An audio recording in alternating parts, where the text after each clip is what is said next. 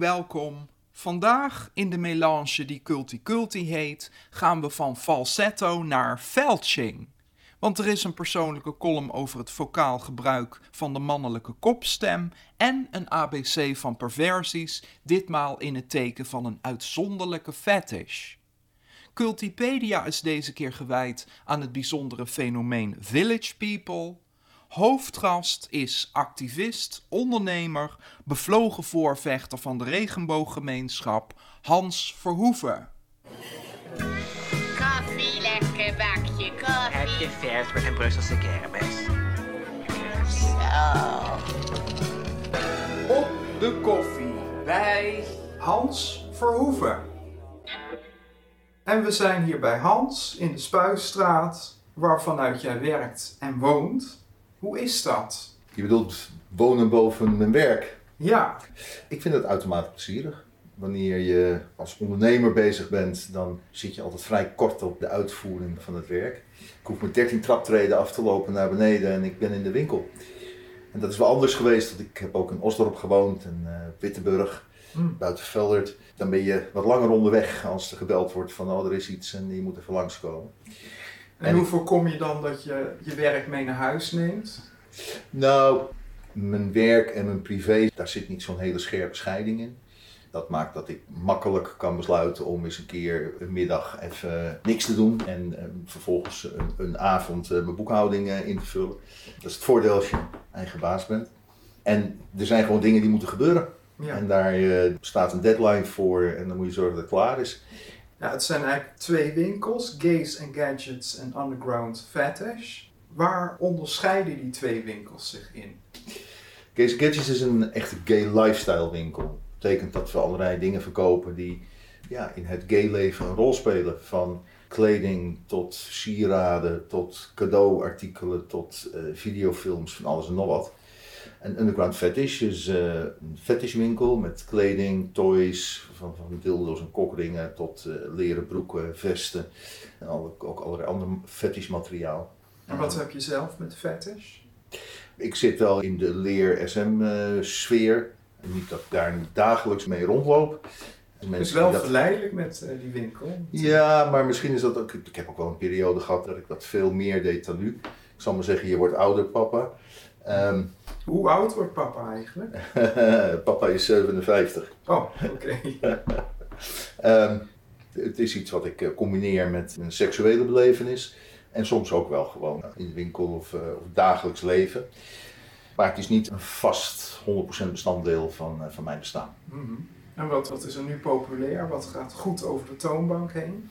Wat op dit moment heel populair is, of populair, een beetje een raar woord, maar wat veel verkocht wordt is eh neopreen als materiaal. Hmm. En eh puppy scene is eh, erg opkomend. Jongeren die in contact komen met seksualiteit waar een verschil in rol is, een verschil in status is, zonder dat dat onmiddellijk heel agressief is. Hmm. Kennismaking met de SM-wereld is er soms één waarbij je gelijk vrij sterk geconfronteerd wordt met het verschil tussen hè, meester en slaven voorbeeld, waar het eh, er nog wel eens hard aan toe kan gaan.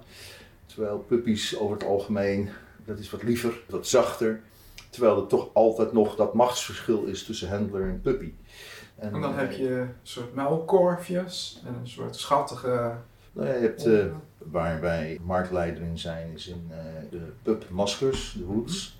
Maar ook neopreenkleding die erbij past, eh, collars en alles. staartjes. Eh, tails, absoluut. Ja, Dan ben jij vooral bekend als activist voor de regenbooggemeenschap, ambassadeur voor de Pride, initiatiefnemer van onder andere de Pride Walk en het Zero Flags Project. nou, ik ben geen initiatiefnemer van de Pride Walk.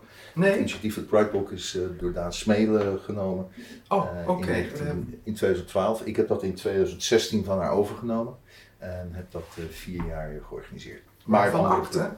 Waar is dat activisme voor jou begonnen? Toen ik een jaar of 13 was of zo, toen was ik al bezig met zielige zeehondjes, Wereld Natuurfonds, dat soort van dingen. Ik ben betrokken geweest bij de oprichting van Greenpeace hier in Nederland. Deed toen al allerlei demonstraties, kernenergie en god maar weten wat. Waren En- je ouders ook idealistisch? Of speelden ze een rol daar ook in? Nee, nee. Die, Snapten eh, ze het?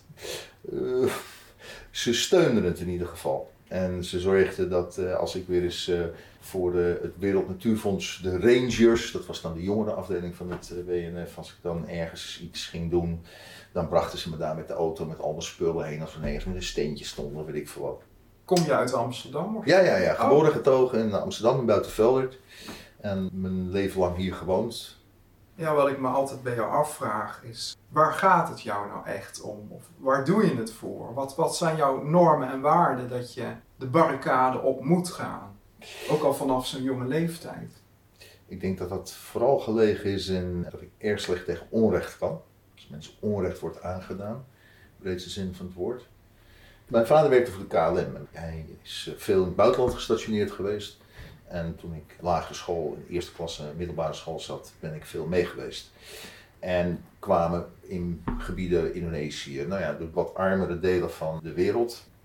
En de normen en waarden waar ik mee werd opgevoed, die waren toch wel ook vanuit respect. Ik weet nog dat we in Indonesië in een hotel zaten en dat lag een hele grote straat en er waren van die bruggen die daar over die straat heen gingen.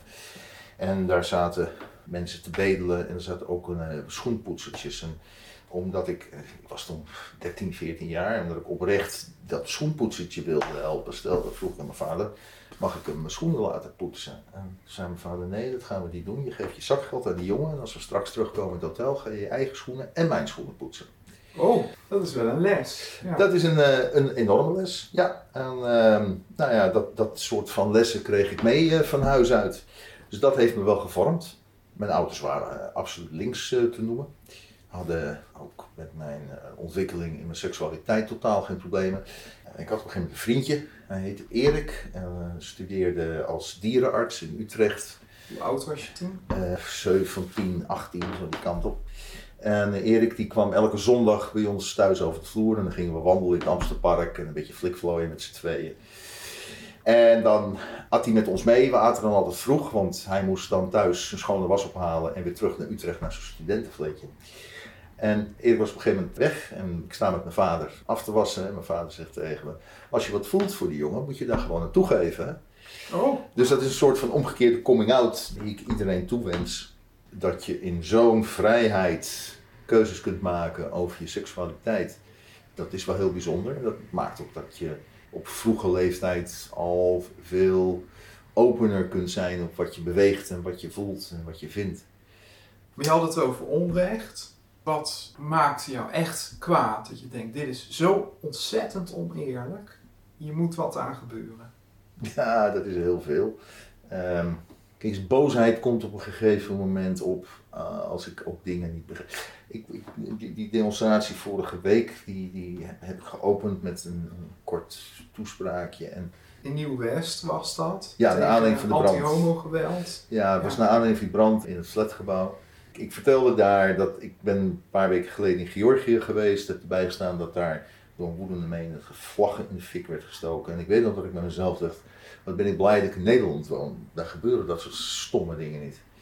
En dan vijf weken later krijg je ermee te maken dat er in een flatgebouw dus wel vlaggen in de fik zijn gestoken. En dat er ook nog eens een keer een aantal appartementen gewoon volledig uitgebrand zijn. Mensen hun pand moeten verlaten, mensen het ziekenhuis zijn opgenomen. Dan overvalt mij een zekere kwaadheid. Dan Mhm. denk je van, verdomme, hoe haal je het in je hoofd? Wanneer had je dat voor het eerst? Of wat was je eerste demonstratie? Nou, mijn eerste demonstratie, ehm, eigenlijk een van de eerste dingen die ik organiseerde, dat was eind jaren 80 op het Homo-monument. Ik was toen vrijwilliger ook bij MVS. Oh. En de Jacob van Santen nog als voorzitter. Helaas overleden.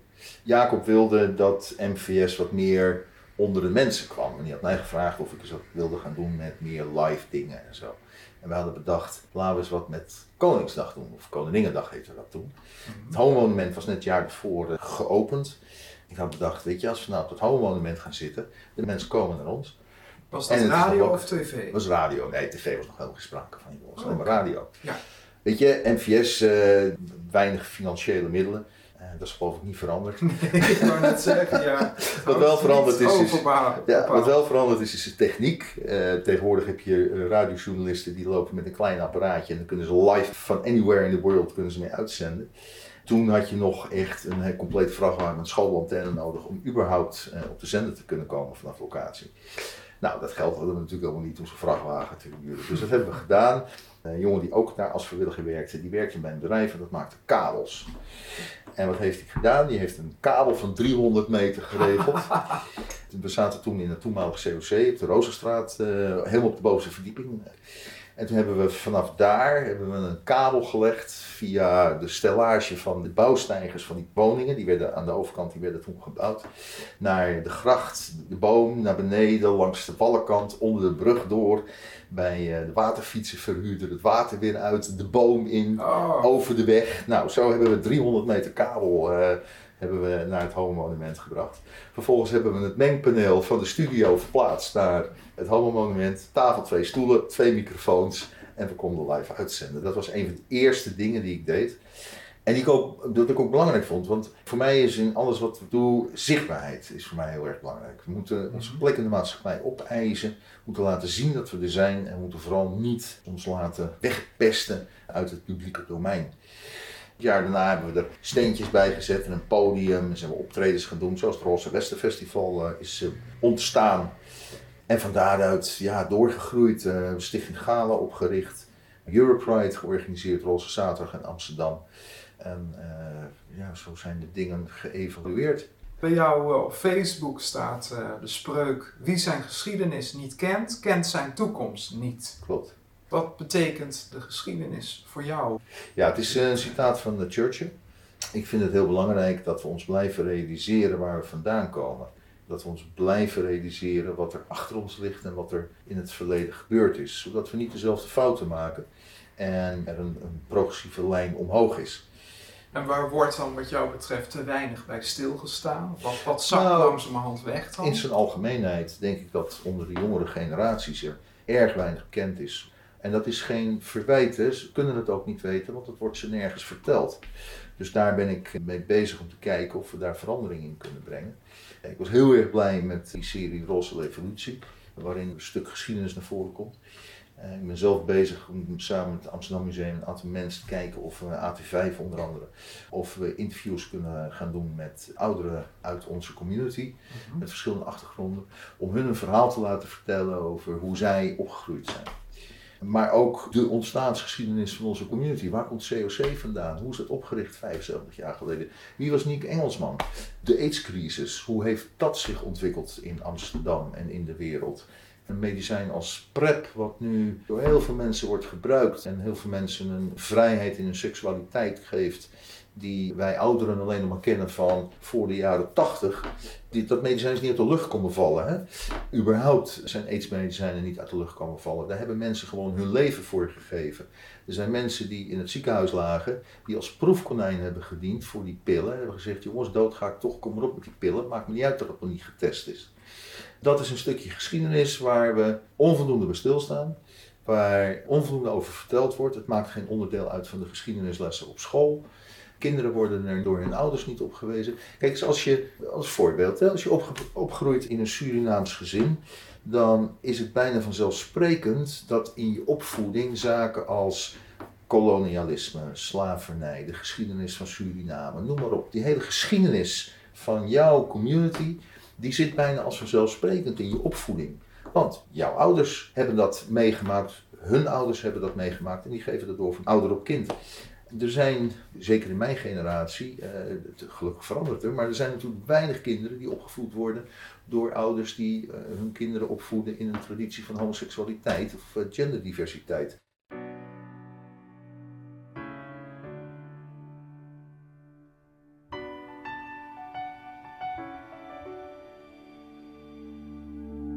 I am not a stranger to the dark. Say, cause we don't want your broken parts. I've learned to be ashamed of all my scars. Run away, they say. No one will love you as you are. But I won't let them break me down to dust. I know that there's a place for us, for we are glorious.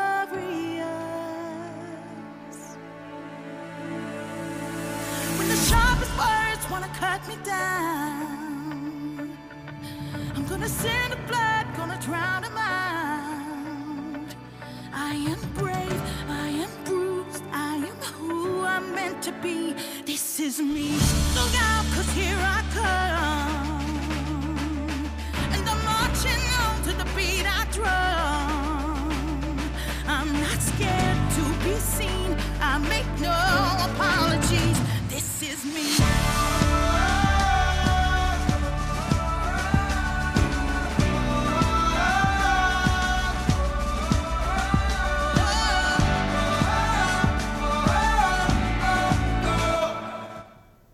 Waar ben je het meeste trots op in je leven? Dat is denk ik niet één ding.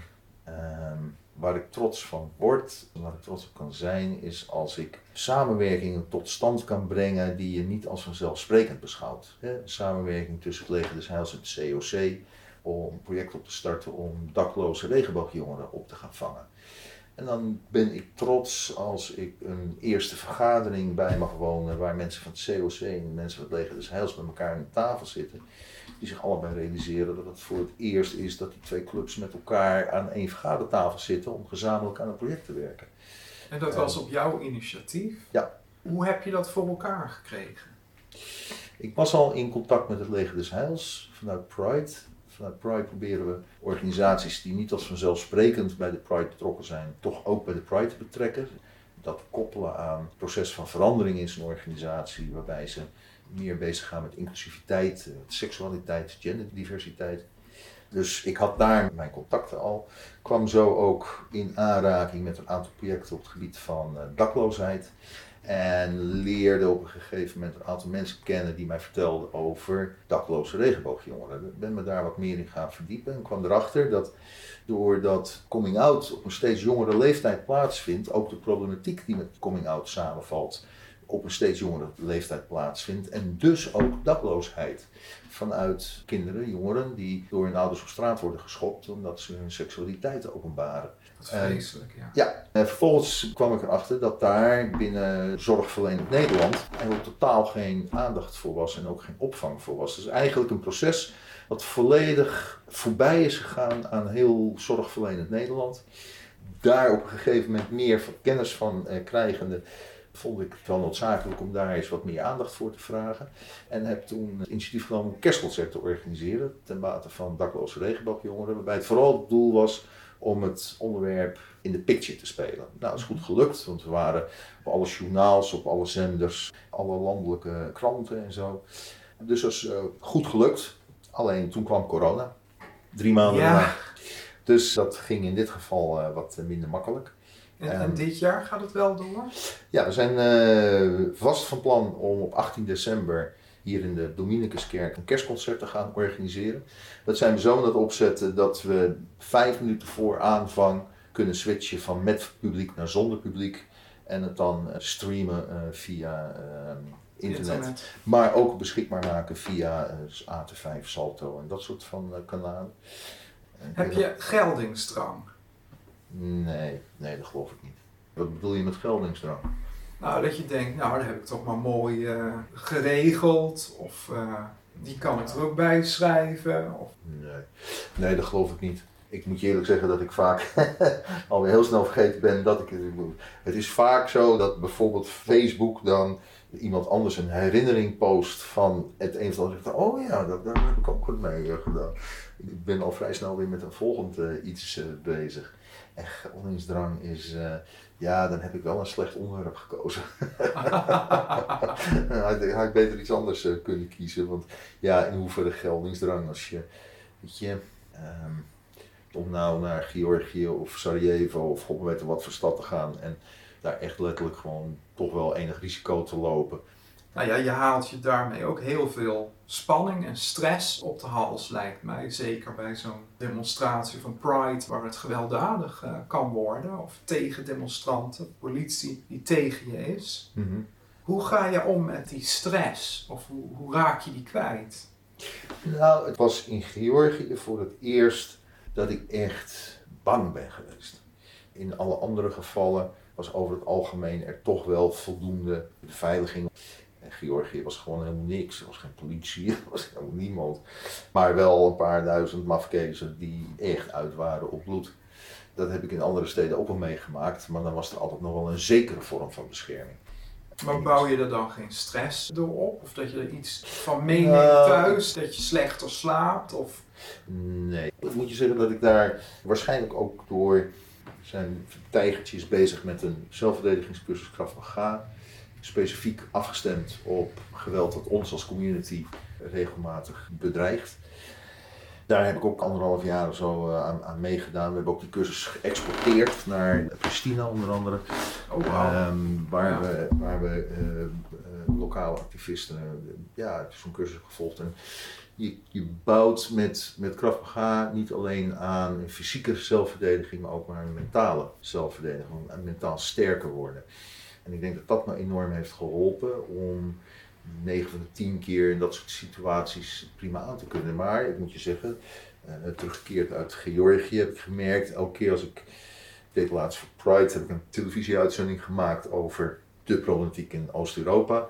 Daar zaten beelden in van Georgië. Ik presenteerde dat programma, maar ik, moest, eh, ik werd dermate emotioneel dat ik eventjes een paar seconden voor mezelf nodig had. Dus echt een soort overmacht. Ja, er was gewoon geen politiebescherming, helemaal niets. En ik stond op een gegeven moment midden in die menigte. Heb je je ook wel eens vergalopeerd? Of dat Och, je de moed even helemaal was eh, verloren? Dat je dacht, of misschien cynisch eh, werd. En je denkt, ja, Eh, cynisch? Nee, nooit. Ik geloof altijd, weet je, al heb ik maar één persoon een heel klein licht sprankje kunnen geven, dan is dat voor mij al voldoende om heel veel energie en stress ergens in gestoken te hebben. Vergalopeerd? Oh ja, meerdere malen. Kijk, ik ga best wel door roeien en ruiten heen en daar is niet iedereen van gediend. Moet je zeggen dat naarmate je wat ouder wordt, dat ook wat terugvalt, dat je dan word wat je rustiger wordt. Ja. Ja, maar het duurt er toch altijd ook wel even voordat de anderen dat doorhebben dat Verhoeven niet meer is wat hij was. En dat ik wel wat rustiger daarin ben geworden. Maar ja, zeker in mijn jonge jaren. Maar ruzie gehad? Of... nou, ja, ruzie is een groot woord. Eh, meningsverschillen, ja, absoluut. Je moet één ding niet vergeten.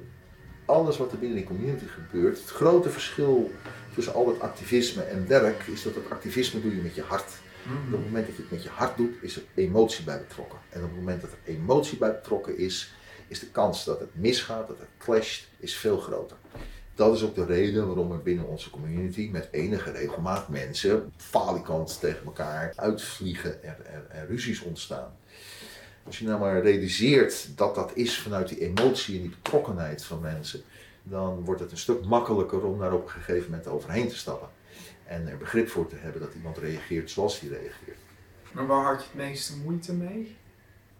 Waar ik het meeste moeite mee heb, is toch wel onbegrip. Of wegkijken of bagatelliseren. Dat zijn de drie dingen waar ik, eh, daar kan ik ook echt heel erg boos over worden. Een ambtenaar van VWS in gesprekken over die opvang voor dakloze regenboogjongeren, die dan een uitspraak doet, ja maar meneer Verhoeven, in een inclusieve maatschappij is het niet noodzakelijk om voor elke doelgroep ander beleid te maken. Nou, dan zakt mijn broek af. Want A gaat zij blijkbaar vanuit dat we al een inclusieve maatschappij hebben. En B, dat eh, die inclusieve maatschappij betekent dat alles voor iedereen hetzelfde is. Ik hoop dat ze luistert, want mevrouw, u heeft zo ongelooflijk ongelijk. En daar kan ik me dus ontzettend boos over maken. Hoe heet Want- ze? Nou, ja.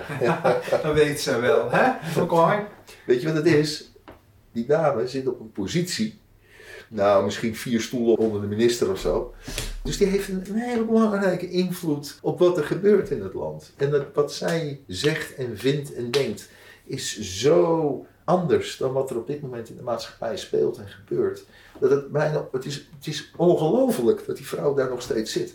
Wat vind je van de politiek nu, hoe ze zaken oppakken in Nederland? Och, breek me de bek niet open, lieverd. Toen ik in Georgië was, heb ik zondagavond, de dag voor de demonstratie, toen we een beetje aanvoelden komen dat het mis zou gaan, omdat we al die duizenden mensen met bussen aangevoerd zagen worden, heb ik lang contact gehad met de personal assistant van eh, Sigrid Kaag.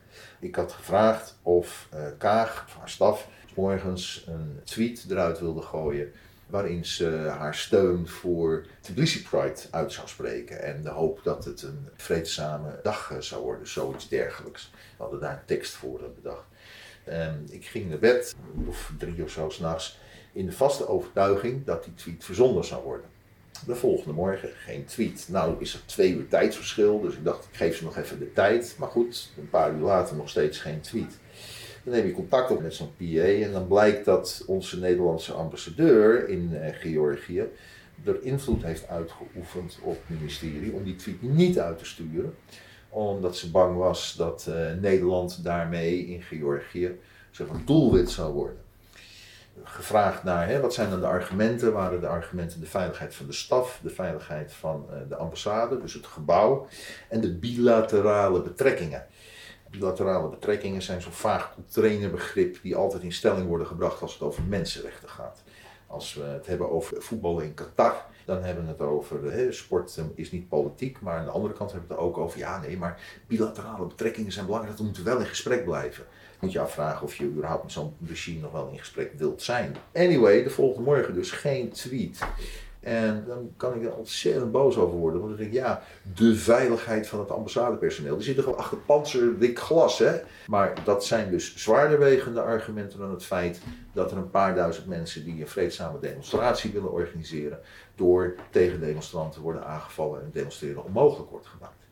En dan ben ik echt helemaal klaar met zo'n Sigrid Kaag. Die dan een grote bek heeft als het eh, in de verkiezingen gaat over eh, diversiteit, over vrijheid van meningsuiting en demonstratierecht. Maar op het moment dat het erop aankomt en dat zij als minister het verschil kan maken door zo'n tweet eruit te sturen, dat ze het niet doet. Heel veel minister-presidenten van andere landen hebben het wel gedaan. Hè. Ook het Europees Parlement, voorzitter van het Europees Parlement trouwens ook, hebben allemaal tweets uitgedaan over Georgië. En Nederland was stil. Wat moet er naar jouw mening gebeuren in Nederland? Wat er volgens mij moet gebeuren is dat we weggaan van traditionele politiek. Dat we meer zakelijk kijken naar de oplossing voor een probleem. Dat er Zakenkabinet. Ja, een zakenkabinet, een zakelijk eh, eh, college van BMW, mensen die verstand van zaken hebben, probleem oplossen. Waar wil jij de komende tijd de meeste energie in steken? Nou, op korte termijn is dat vooral eh, het kerstconcert ten bate van dakloze regenboogjongeren en het opzetten van daadwerkelijke opvang. Daar zijn we nu met een aantal partijen over in gesprek, met de regenbooggroep, met de Raad voor de Kinderbescherming, COC, Leger de Zeils. En we zijn op zoek naar de juiste vorm en de juiste manier, maar ook naar hoe de bestaande regelgeving veranderd moet worden om dat te kunnen doen wat gedaan moet worden. Want die zit soms behoorlijk in de weg. En hopelijk eind dit jaar horen we er ook meer van. Ja, hoe dat eh, zich ontwikkelt. Het is de bedoeling dat we 18 december daar een soort van stand van zakenverslag eh, ook geven tijdens het kerstconcert. Daar gaan we het kerstconcert niet voor onderbreken, maar dat zullen we in de periferie rondom het concert doen. Met eh, misschien wat foldertjes en een, een persconferentie los van het concert zelf. Het, eh, het Zero Flags Project, gaat dat Mhm. ondertussen ook door? Ja, Kun je even uitleggen in het kort wat dat Zero Flags Project. ehm, wij gebruiken de vlaggen van de landen waar homoseksualiteit in het wetboek van strafrecht staat. Dat zijn er op dit moment 71. Gebruiken we als monument van zichtbaarheid. Dus die vlaggen die zetten we ergens neer of die nemen we mee in een Pride Walk of een ander evenement. En tonen daarmee de massaliteit van landen. Een derde van het aantal landen wat lid is van de Verenigde Naties. Een derde van het aantal mensen wat op deze wereld woont. Want 2,5 miljard mensen wonen er. Die in een land wonen waar ze niet kunnen zijn wie ze willen zijn. Waar ze niet kunnen houden van wie ze willen houden. Er is een campagne met een aantal organisaties. eh, zijn we, gaan we beginnen om richting de Commonwealth een verandering te bewerkstelligen. Er zijn eh, ruim 30 landen waar nog vanuit de oude Britse koloniale historie Eh, Britse Commonwealth. ja, de Britse Commonwealth nog steeds eh, wetgeving tegen onze community eh, van toepassing is. Nou, wat we willen bewerkstelligen is dat er bij een volgende jaarvergadering van de regeringsleiders van de Commonwealth een voorstel op tafel komt te liggen waar eh, homoseksualiteit binnen de Commonwealth niet langer strafbaar is. En wanneer dat daar wordt aangenomen, dan betekent dat dat we van onze 71 vlaggen er een stuk of 30 gelijk kwijt zijn. Dan schieten we op, want Ja. het doel is uiteindelijk tot nul vlaggen te komen.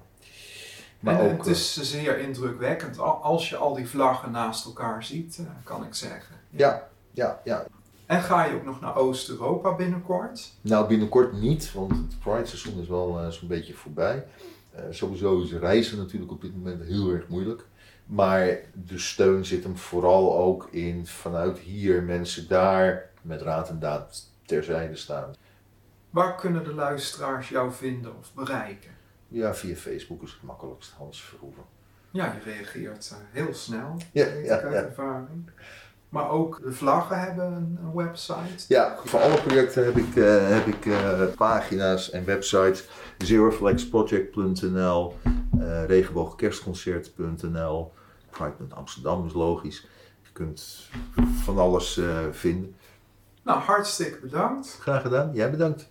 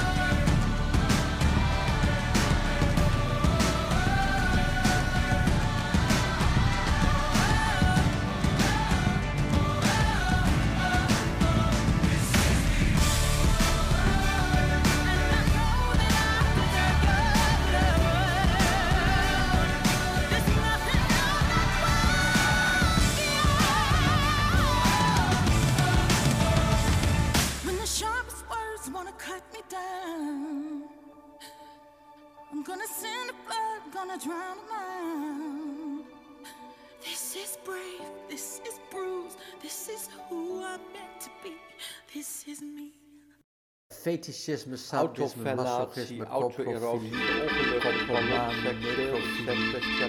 onderdanigheid, kinderdienen, dysonantie, dominantie, pijncisme, dominantie, donkere kamer, willen, doorraadslaafje, rovenseks, bioseks, dokterseks, febofobie, epongeur, orgasmie, electroseks, eonisme, massage, onanie, ABC van perversies van Gert Hekma.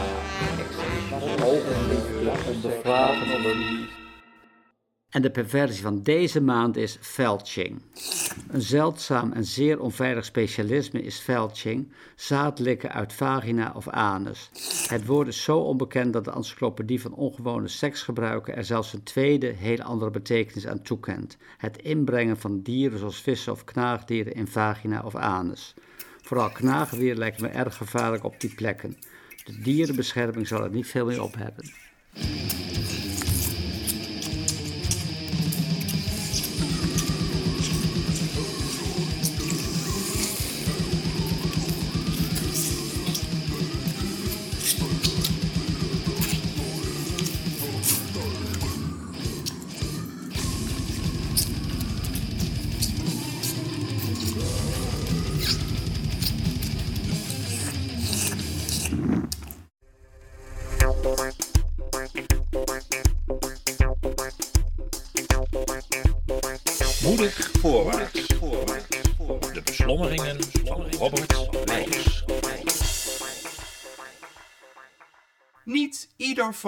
Zingt zoals het gebekt is. Als ik mezelf beschouw als zangvogel, moet ik wel een paradijsvogel zijn. Ik ben weliswaar door de natuur bedeeld met een hoog bariton, maar ik vlieg gerust hoger en verder als ik daar zin in heb. Onlangs werd ik toch terecht gewezen. Ik had in een vocale ode aan Britney Spears het gewaagd om mijn falsetto, mijn kopstem aan te spreken. Isn't she lovely, this Hollywood girl? Het kwam me op kritiek te staan. Waarom hield ik hier niet gewoon mee op? Waarom mijn medemensen nog langer tergen met dit onnatuurlijke en geforceerde stemgebruik? Hoe je als vocalist je stem inzet en kleurt is een zeer persoonlijke keuze.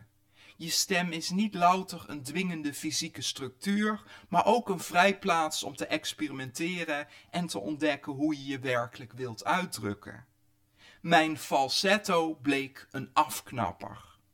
Waar het bij de meeste vrouwen zonder baard in de keel een redelijk vloeiende en dus acceptabele overgang is van borst naar kopstem, is het bij mannelijke stemmen kennelijk hoekiger en moeilijker en soms ronduit een taboe.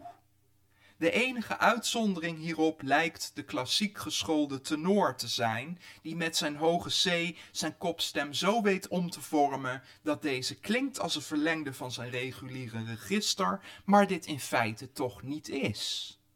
Als sensitieve en feminine man omarm ik juist de mogelijkheden van mijn zogenaamd valse stembanden. Hoe zou ik zonder de inspiratie kunnen van helden en wegbereiders als Michael Jackson?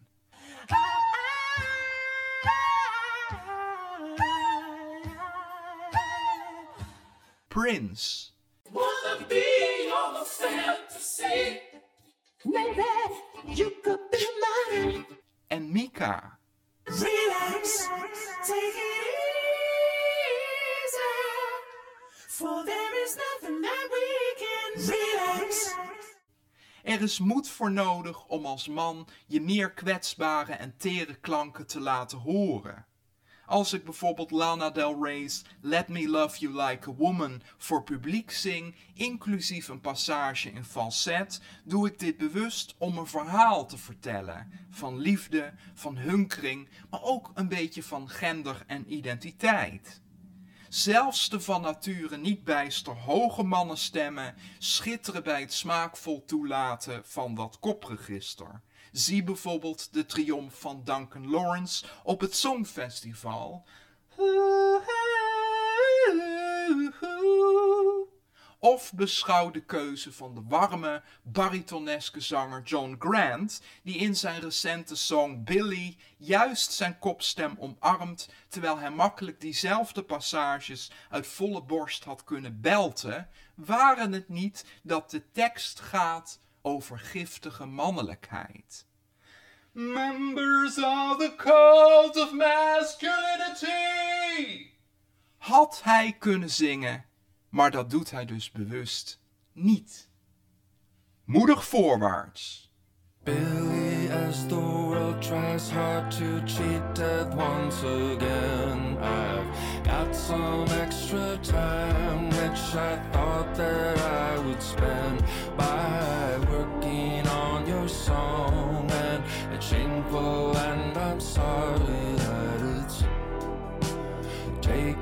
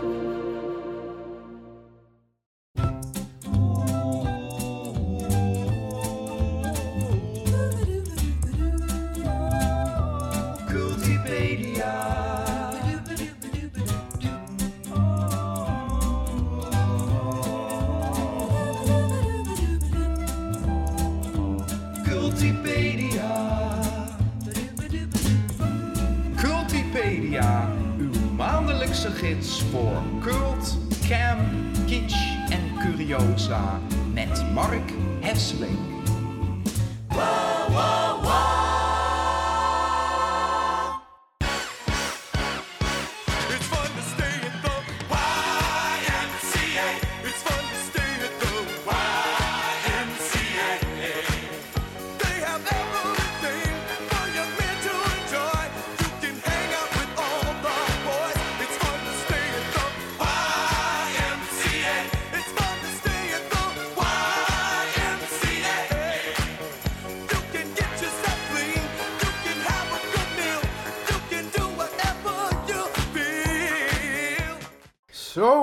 Ja, de Cultipedia die je wist dat zou komen. Want we moeten het natuurlijk eens een keer over de Village People hebben. Want ja, power anthems. cult, camp, kitsch en behoorlijk curieus ook eigenlijk best wel. Maar vooral natuurlijk zo'n enorm icoon van de homocultuur. En dat woord is nou eens niet overdreven. Dit was echt gewoon in de jaren 70 en 80 het gezicht van vooral mannelijk Amerikaanse homoseksuelen. En het nummer YMCA, natuurlijk, je zegt het al, een van die ijzeren gay anthems, de homovolksliederen die iedereen kent. En dat zeg ik niet alleen. Onlangs heeft Amerikaanse Library of Congress heeft dit nummer toegevoegd aan de collectie geluidsopnames met grote cultuurhistorische waarde.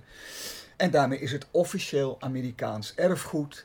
En dat is weer een hele grote mijlpaal voor de LHBT-beweging. Ja, wauw. Ja. Ja, maar ja, dan ga ik nu toch meteen maar even het bommetje droppen. De Village People waren helemaal niet zo gay. Ga weg. Ja, het was vooral, en ik, ik kan me niet voorstellen dat ik jou daar echt een illusie mee ontneem, handige marketing. Iets anders, ze waren ook niet helemaal Amerikaans. Oh, De Village People zelf wel, de leden van de groep. Maar de Village People zijn bedacht door een Frans producers duo, die overigens allebei in Marokko geboren zijn. Genaamd Jacques Morali en Henri Bellolo. Morali was gay, Bellolo niet. Maar zij waren hele goede vrienden en samen heel succesvol als producers en liedjeschrijvers. In Frankrijk werkten ze samen met grote namen, Patrick Juvet, Georges Moustaki en Dalida. oh, Daar is ze weer, de schermheilige van dit programma. Voor Dalida schreven ze een nummer, dat is geen hele grote hit geworden. Quand je n'aime plus, je m'en vais. En daar wil jij natuurlijk een stukje van horen. ja, graag.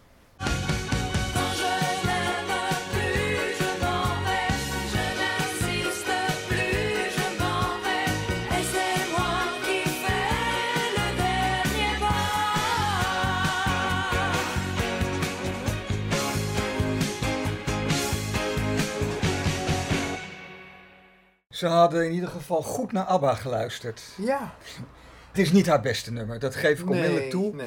Maar wel Ehm, aardig om te horen. Het is afkomstig uit haar disco-periode. En daarmee is eigenlijk meteen het hoge woord eruit. In 77 gingen Morali en Berolo naar New York om zich daar helemaal te storten op de opkomende disco-rage.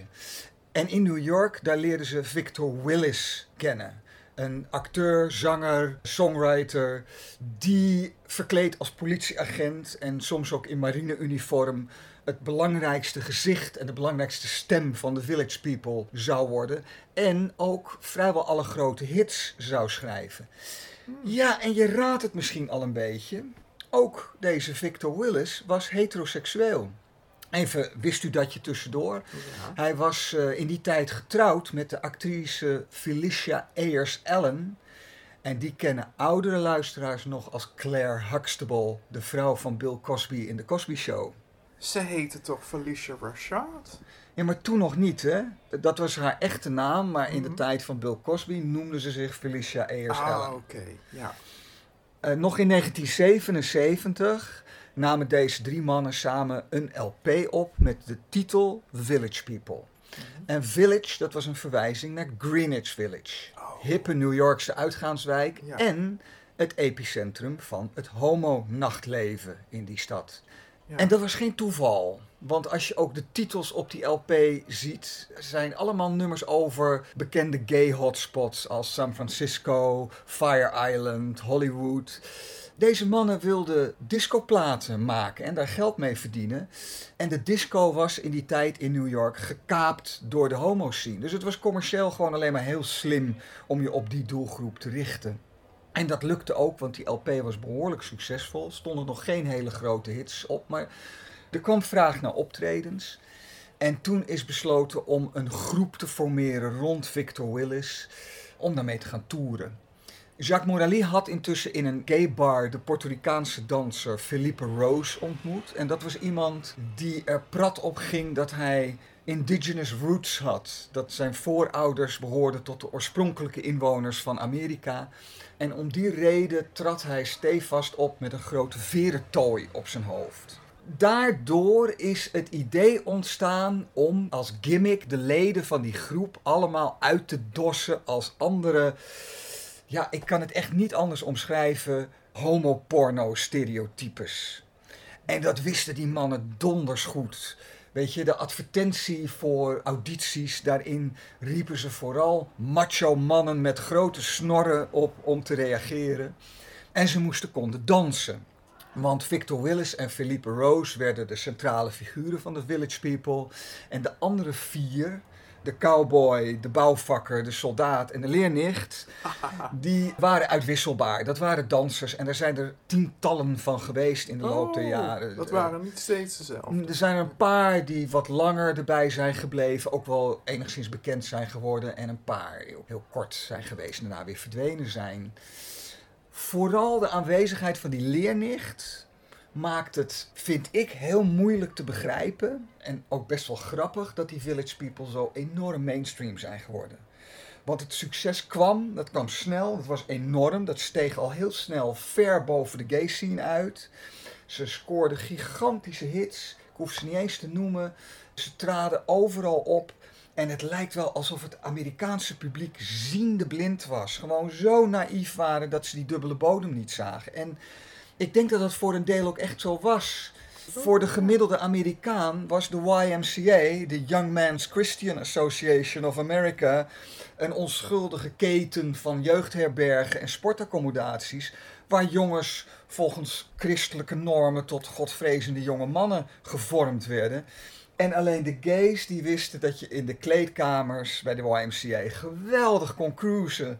En dat het dé plek was om als man andere mannen te ontmoeten. Iets vergelijkbaar geks was er met een andere enorme hit, In the Navy. Ook met een tekst vol dubbelzinnigheden. Maar op een dag stond de Amerikaanse marine op de stoep die het nummer dolgraag wilde gebruiken voor een personeelswervingsreclamespotje. In ruil waarvoor de Village People een videoclip mochten opnemen op een echt marinefregat. Terwijl homoseksualiteit nog totaal taboe was in het Amerikaanse leger. Het hilarische hoogte, dan wel dieptepunt, net hoe je het wil zien, komt in 1980 wanneer het succes verder uitgemolken moet worden met een speelfilm. Can't Stop the Music. Jij en ik, als we die film gaan kijken, lachen ons helemaal dood om die arme village people die zich met zichtbare tegenzin door allerlei heterofiele love interest verhaallijntjes heen moeten werken. Het is totaal ongeloofwaardig. En ik denk ook vooral daardoor was het zo'n ontzettende slechte film. het was de eerste film in de geschiedenis die ooit een Razzie won. De prijs voor de slechtste film van het jaar, hè, de tegenhanger van de Oscars. Sterker nog, deze film was de belangrijkste inspiratie voor de bedenkers van de Razzie. Het is een film in de categorie zo slecht dat hij weer leuk is. Het is vandaag de dag een geheide cultklassieker. Niet in de laatste plaats, omdat een van de hoofdrollen naast The Village People wordt gespeeld door een Bruce Jenner. Gekleed in crop top, in zo'n afgeknipt t-shirtje. En die kennen we tegenwoordig natuurlijk als Caitlyn. Ja. Ongeveer de beroemdste en ook wel, denk ik, meest omstreden transvrouw ter wereld. Nou, hoe is het afgelopen met die Village People? Kort antwoord, niet. Ze bestaan nog steeds. Oh. Althans, een groep die onder die naam optreedt. Sinds 2018 weer met Victor Willis als leadzanger. En die andere ook, die tweede vaste Die kern? Philippa Rose niet. Nee, nee, Oh. nee die, eh, die is eh, met pensioen. AIDS heeft de Village People redelijk gespaard. Daar was ik een beetje bang voor, maar dat valt enigszins mee. Jacques Morali, een van de oprichters, is als enige in 1991 aan die rotziekte gesneuveld. Henri Bellolo is twee jaar geleden overleden op 82-jarige leeftijd. En al die leden van die groep, voor zover nog te achterhalen hoor, want er zijn er ook echt wel een aantal helemaal in de vergetelheid verdwenen. Daarvan leven de meeste nog. Dat viel me echt mee. De geschiedenis van de Village People is vooral ontsierd door een eindeloze reeks conflicten en rechtszaken. Vooral tussen het Franse duo enerzijds en Victor Willis anderzijds. Over royalties, over rechten op liedjes, op de naam. Dat heeft echt decennia voortgeëtterd en in 2018 heeft de hoogste rechter bepaald dat Victor Willis als enige de rechten op de Village People en op de liedjes had. En sindsdien treedt hij daar inmiddels 70 jaar oud weer mee op. Op gay prides en op nostalgiefestivals. En ja, nostalgie, dat is het natuurlijk inmiddels volop. Niet alleen de liedjes, maar ook de homoporno ziet er vandaag echt heel anders uit.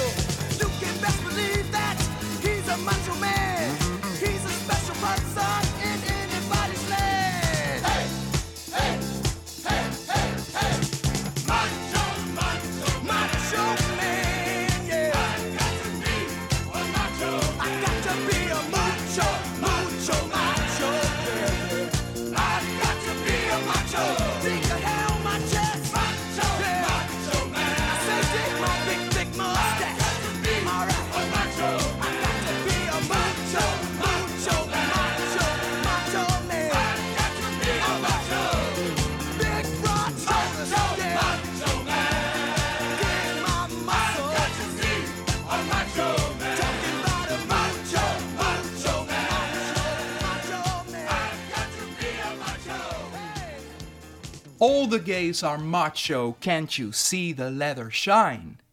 Dit was Culti Culti 96 en ik dank hierbij van harte Hans Verhoeven, Kiala Saddle, Gert Hekma, freesound.org, Broken Hope, Bert Boelaars, John Grant en alle andere favoriete falsetto-zangers, Mark Hesselink, Village People, Dalida en La Lydia Til.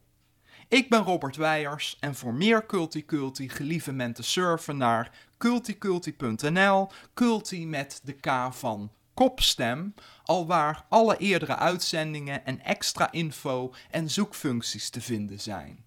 Tot de volgende keer. Culti culti, culti culti, culti culti,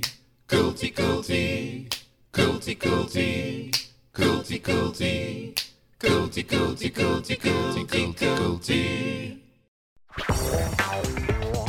Dit was NVS Radio. Voor meer informatie en media ga naar www.nvs.nl.